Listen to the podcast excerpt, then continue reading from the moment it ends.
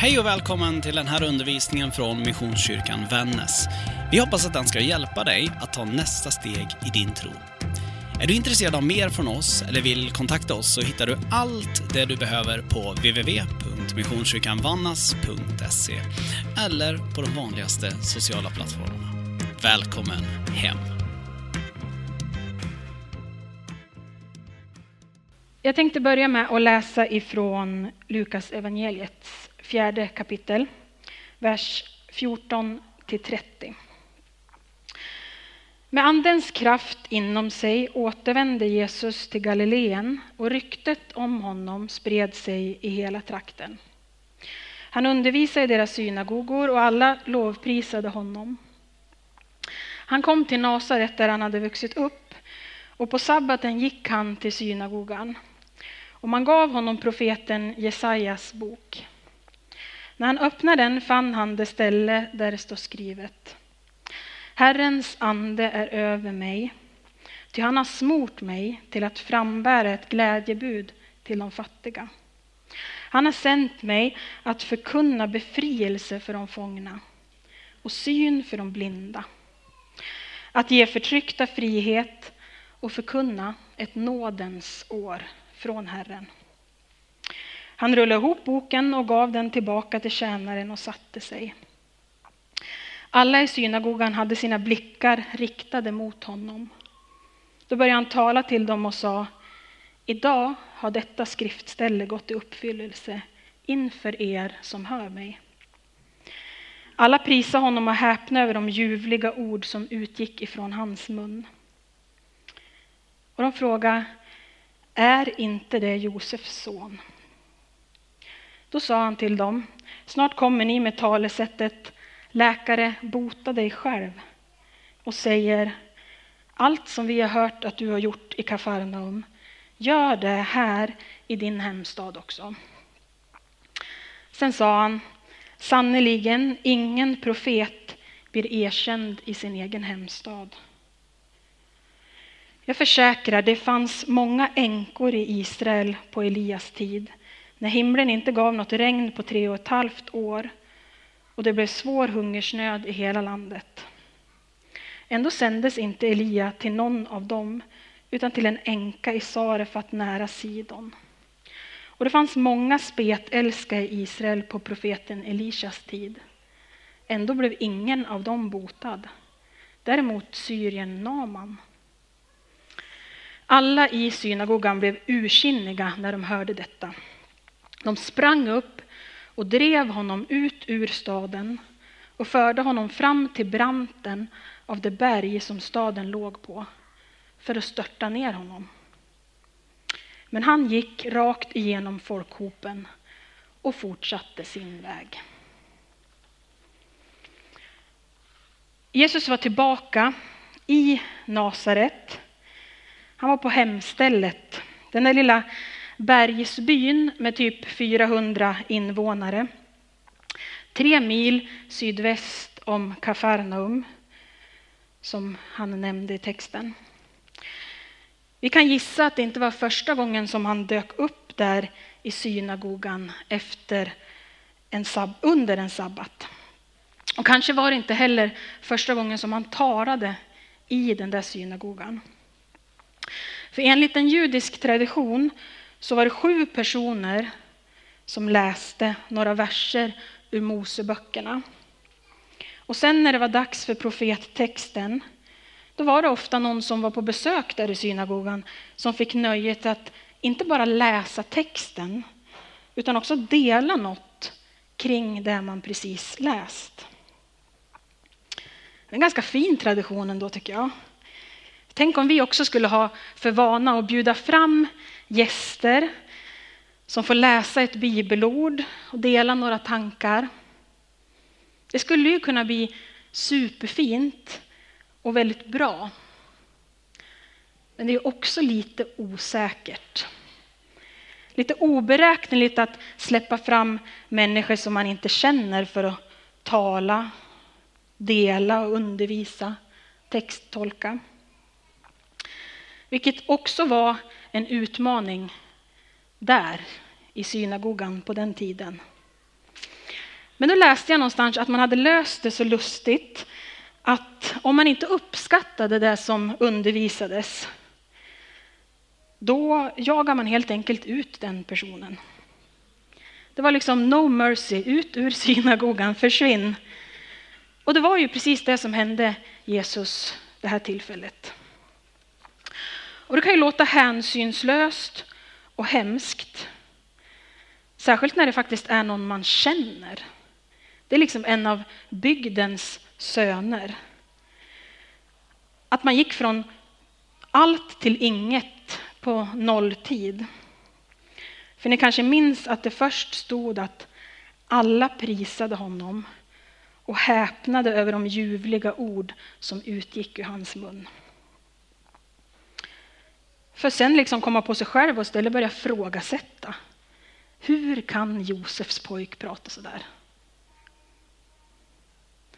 Ett av problemen tycks ha varit att Jesus inte läste klart. Han gjorde det där som jag och många med mig också har en tendens att göra. Att vi stannar liksom vid det som är gott. Han stannar vid att förkunna ett nådens år från Herren. Och så hoppar han över det som var lite obekvämt. För det som Jesus struntar i att läsa, det är det som kommer direkt efter. Och det är orden en hämndens dag från vår Gud. Folket i synagogan i Nasaret, de ville förmodligen höra Jesus inte bara läsa just det där om Guds hämnd, utan att han också skulle ha undervisat om det. Att det judiska folket faktiskt en dag skulle få sin hämnd. De skulle få sin hämnd på romare och på hedningar som hade ockuperat deras land. Men istället så låter Jesus bli. Och så använder han två exempel ur historien och ur skriften på när Gud har visat hedningar nåd. Och det gör han med två berättelser som vi också har använt oss av i vår söndagsklubb under hösten. Bland annat den här gången när vi hade gemensam gudstjänst hos oss och jag skulle försöka få 27 barn intresserade av en flanellograf. Då handlar det om profeten Elia. Han som under hungersnöden och torkan som drabbar landet, trots att det fanns änkor även i Israel, blev sänd till en änka mycket längre bort. Ja, enligt ett av de här barnen så bodde hon i Umeå. Väldigt bestämt sådär. Oavsett vart hon bodde, hon fick möta Guds nåd. Trots att hon inte kände Gud. Och det var samma sak med Naman som profeten Elisha botade från spetälska. Han hörde inte till Guds folk, men han fick möta Guds nåd. Människor som om Elia och Elisha, eller framförallt Gud, inte om de hade haft ett fokus på hämndens dag så skulle de inte ha fått det där mötet som förvandlade livet. Och precis som Elia, Elisha och Gud valde Jesus att lägga sitt fokus på det goda, på att förkunna ett nådens år. Men det skulle han inte ha gjort. För folk blev ju galna. Och de jagade ut honom, ut mot branten. Ni kanske minns att det här var i början av Jesu gärning. Han hade precis börjat undervisa. Han hade liksom lättat på locket lite grann till vem han var. Och där han gick fram så möttes han ofta med lovprisning. Utom hemma. Där blir folk arga och skickar honom ut mot ättestupan. Men Jesus är cool. Han går liksom igenom folkhopen, förbi och tillbaka. Han visste redan, ingen blir profet i sin egen hemstad. Det handlar förmodligen inte bara om vad han sa, eller vad han inte sa, utan att det var han Josefs son, som sa det. Det får mig att tänka på oss och på våran tid.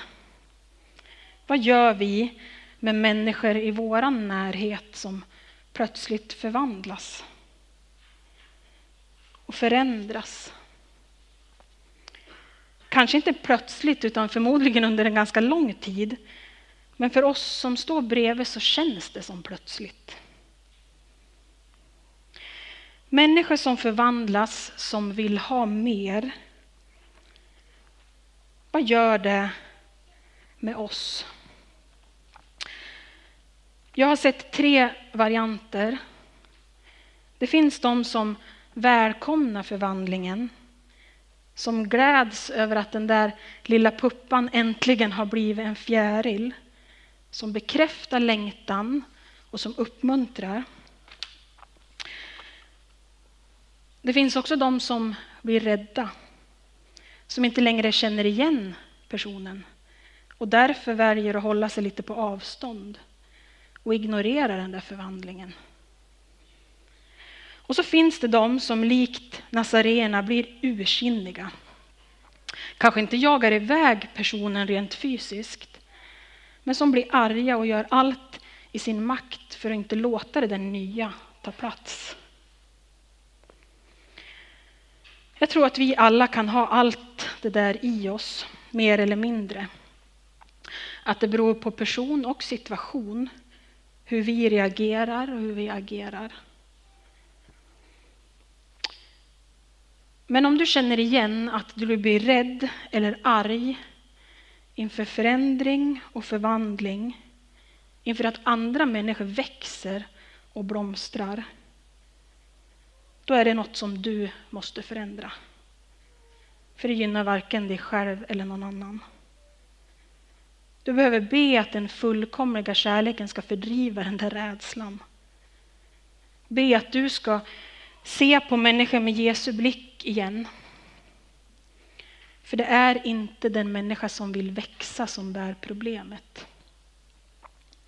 I uppdraget som lärjunge så ingår det att ständigt växa, utvecklas, formas, formas om. Som individer men framför allt i gemenskap med andra. Mötet med Jesus förvandlar inte bara en gång och sen är det klart. Utan det är ett ständigt växande och mognande.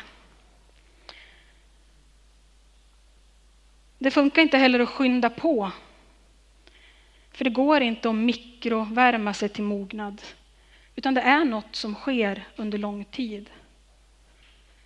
Lärjungaskap handlar om att följa och fortsätta förvandlingen, gång på gång, djupare och djupare. Och ju mer tid vi ger till Gud för att värma oss med sin kärlek, ju mer vi umgås med honom, ju mer vi läser Bibeln, ju mer vi tar emot av nåden, ju mer vi lyssnar till den heliga Ande i oss. Allt det där skapar växt och mognad och fyller oss med kärlek att ge vidare. Herrens ande var över Jesus. Han var smord att bära fram ett glädjebud om fred och frihet ett nådens år.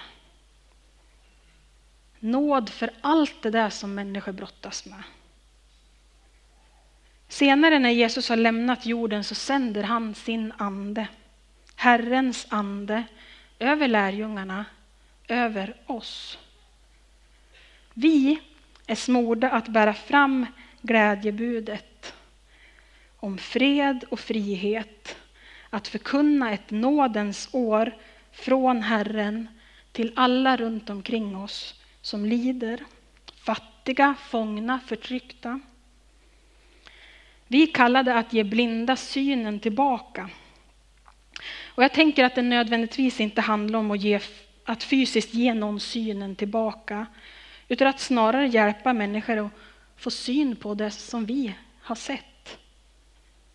Att få komma ur mörker och dimma få syn på nåden. Det är Guds mission, uppdraget, var vi än befinner oss. När Jesus sänder ut lärjungarna så är han noga med instruktionerna. Att inte stanna på den plats där man inte vill lyssna, utan skaka av sig dammet av fötterna och gå vidare. Ibland behöver vi vara tålmodiga, men ibland behöver vi också våga skaka av det där dammet och ta oss vidare till en plats, till ett sammanhang som är redo att ta emot. I vår kultur och kontext så talas det ofta om att stå troget kvar, att härda ut och att inte ge upp. För att ge upp, det är någonting fult. Men för Jesus är det nog varken fint eller fult, utan bara ett konstaterande. Han använder det som missionsstrategi. Det handlar om överlevnad för både dig själv och för andra. Elia, Elisha, Jesus, alla fick söka sig till andra platser, till människor utanför deras vanliga krets för att få blomstra, komma i sitt esse, bli lyssnad på och använda sina gåvor. Kanske är det också så för oss. Att vissa gånger behöver vi strunta i människor omkring oss och istället gå rakt igenom folkhopen och fortsätta vår väg. Välja en annan miljö, långt bort ifrån den som inte vill se. Men alla ska inte iväg. Några ska ju stanna. Men för oss då som stannat, vad händer det när det dyker in någon med något nytt och oväntat? Blir det att vi glömmer bort, precis som folket i synagogan, det man just häpnat över, det där ljuvliga som kom ur hans mun, den där uppenbarelsen man fått vara med om, den där gnuttan av hopp som plötsligt börjar sprida sig lite försiktigt. Och istället börjar frågasätta. Eller vågar vi stå kvar, lyssna och ta emot? Har vi modet att vänta ut? Kanske är det Gud själv som vill säga oss något. För den som stannar, som redan har hittat sin perfekta växtplats, som väljer att vara ett sammanhang troget, då tror jag att det är avgörande att ha tålamod och nåd. Att ta emot det är den nya som spirar, nästan oavsett från vilket håll det kommer. Att förkunna nåd, visa nåd till den vi alltid har känt och till den som är helt ny. Att modigt invänta åt vilket håll det blåser. Inte ta för givet att du har koll på vinden bara för att du alltid har bott här. För Guds vind, den blåser hur den vill. När Jesus skakar av dammet av fötterna och går rakt igenom folksamlingen, när han väljer att vandra vidare, då är det inte för att han inte har omsorg eller kärlek till de där människorna i Nasaret. Det handlar inte om att han struntar i dem. Men det handlar om att han har ett större uppdrag. Att skriftstället från Jesaja, det är inte något som han bara läser, utan han håller faktiskt på att uppfylla det. Jesus vet att Guds ande är hos honom. Han är utsedd att förkunna budskapet om goda nyheter till de fattiga. Han är sänd för att meddela de fångna att de ska friges, de blinda ska få se, han ska befria de betungade och betryckta. Långt innan det sker att Jesus läser den här texten från Jesaja i synagogan i Nasaret och säger att det där skriftstället är uppfyllt så skriver kung Salomo en psalm, eller en bön för kungen. Och inte vilken kung som helst, utan för Messias. Och det gör han långt innan några män såg en stjärna, följde den och kom med gåvor till den nya kungen. Så här står det i Psaltaren 72, 10-14. Kungar från Tarsis och fjärran kuster ska komma med gåvor. Kungar från Saba och Seba ska bära fram sin tribut. Honom ska alla kungar hylla, allt folk ska tjäna honom. Och nu kommer det. Han räddar den fattige som ropar, den arme som ingen hjälper. Han förbarmar sig över de svaga och fattiga, han räddar de fattigas liv. Han befriar dem från våld och förtryck. Deras liv är dyrbart i hans ögon. Det är inte ordagrant, men det är bra nära. Och det är också vårt uppdrag. Vår mission som kristna, som små Jesusar. Vi har gått in i ett nytt år. Och tänk om vi gjorde det med fokuset att förkunna ett nådens år. Eller som det står i The Message, detta är året då Gud griper in. Du kanske har svårt att se det i dig själv, men precis som Jesus fått Guds ande och mandat att göra alla de här grejerna, så har vi det. Om vi bara läser texten lite mindre bokstavligt så vet vi att det finns fler typer av fattigdom. Vi har områden i våra liv som är fattigt på olika sätt. Där det behövs glädjebud och goda nyheter. Vi kan vara fångna i beteenden och livsmönster. Situationer som vi behöver bli befriade ifrån. Och ordet som är översatt till förtryckta betyder ordagrant slagna i spillror. Alltså de som är under bördor eller lever i misär. Det handlar alltså om att den som är slagen i spillror ska bli fri från det. Jag är övertygad om att alla i det här rummet har upplevt känslan av att vara slagen i spillror på ett eller annat sätt. Och vi alla vet att det kan hända igen.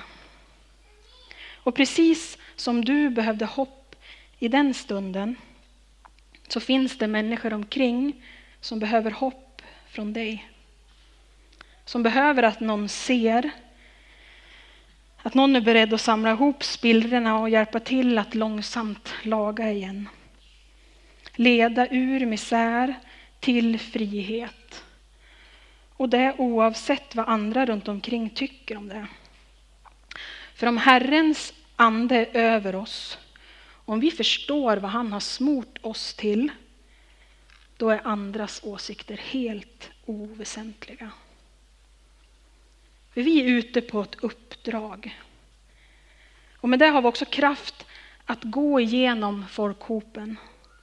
Att skaka av det där dammet och vandra vidare mot förvandling, mot blomstring och växt för oss själva och för andra runt omkring. För detta är året när Gud griper in. Detta är året då vi ska visa vad nåd är. Och kanske framför allt, vi ska få uppleva nåden. Ta del av nåden. Vi som är dyrbara i hans ögon. Amen.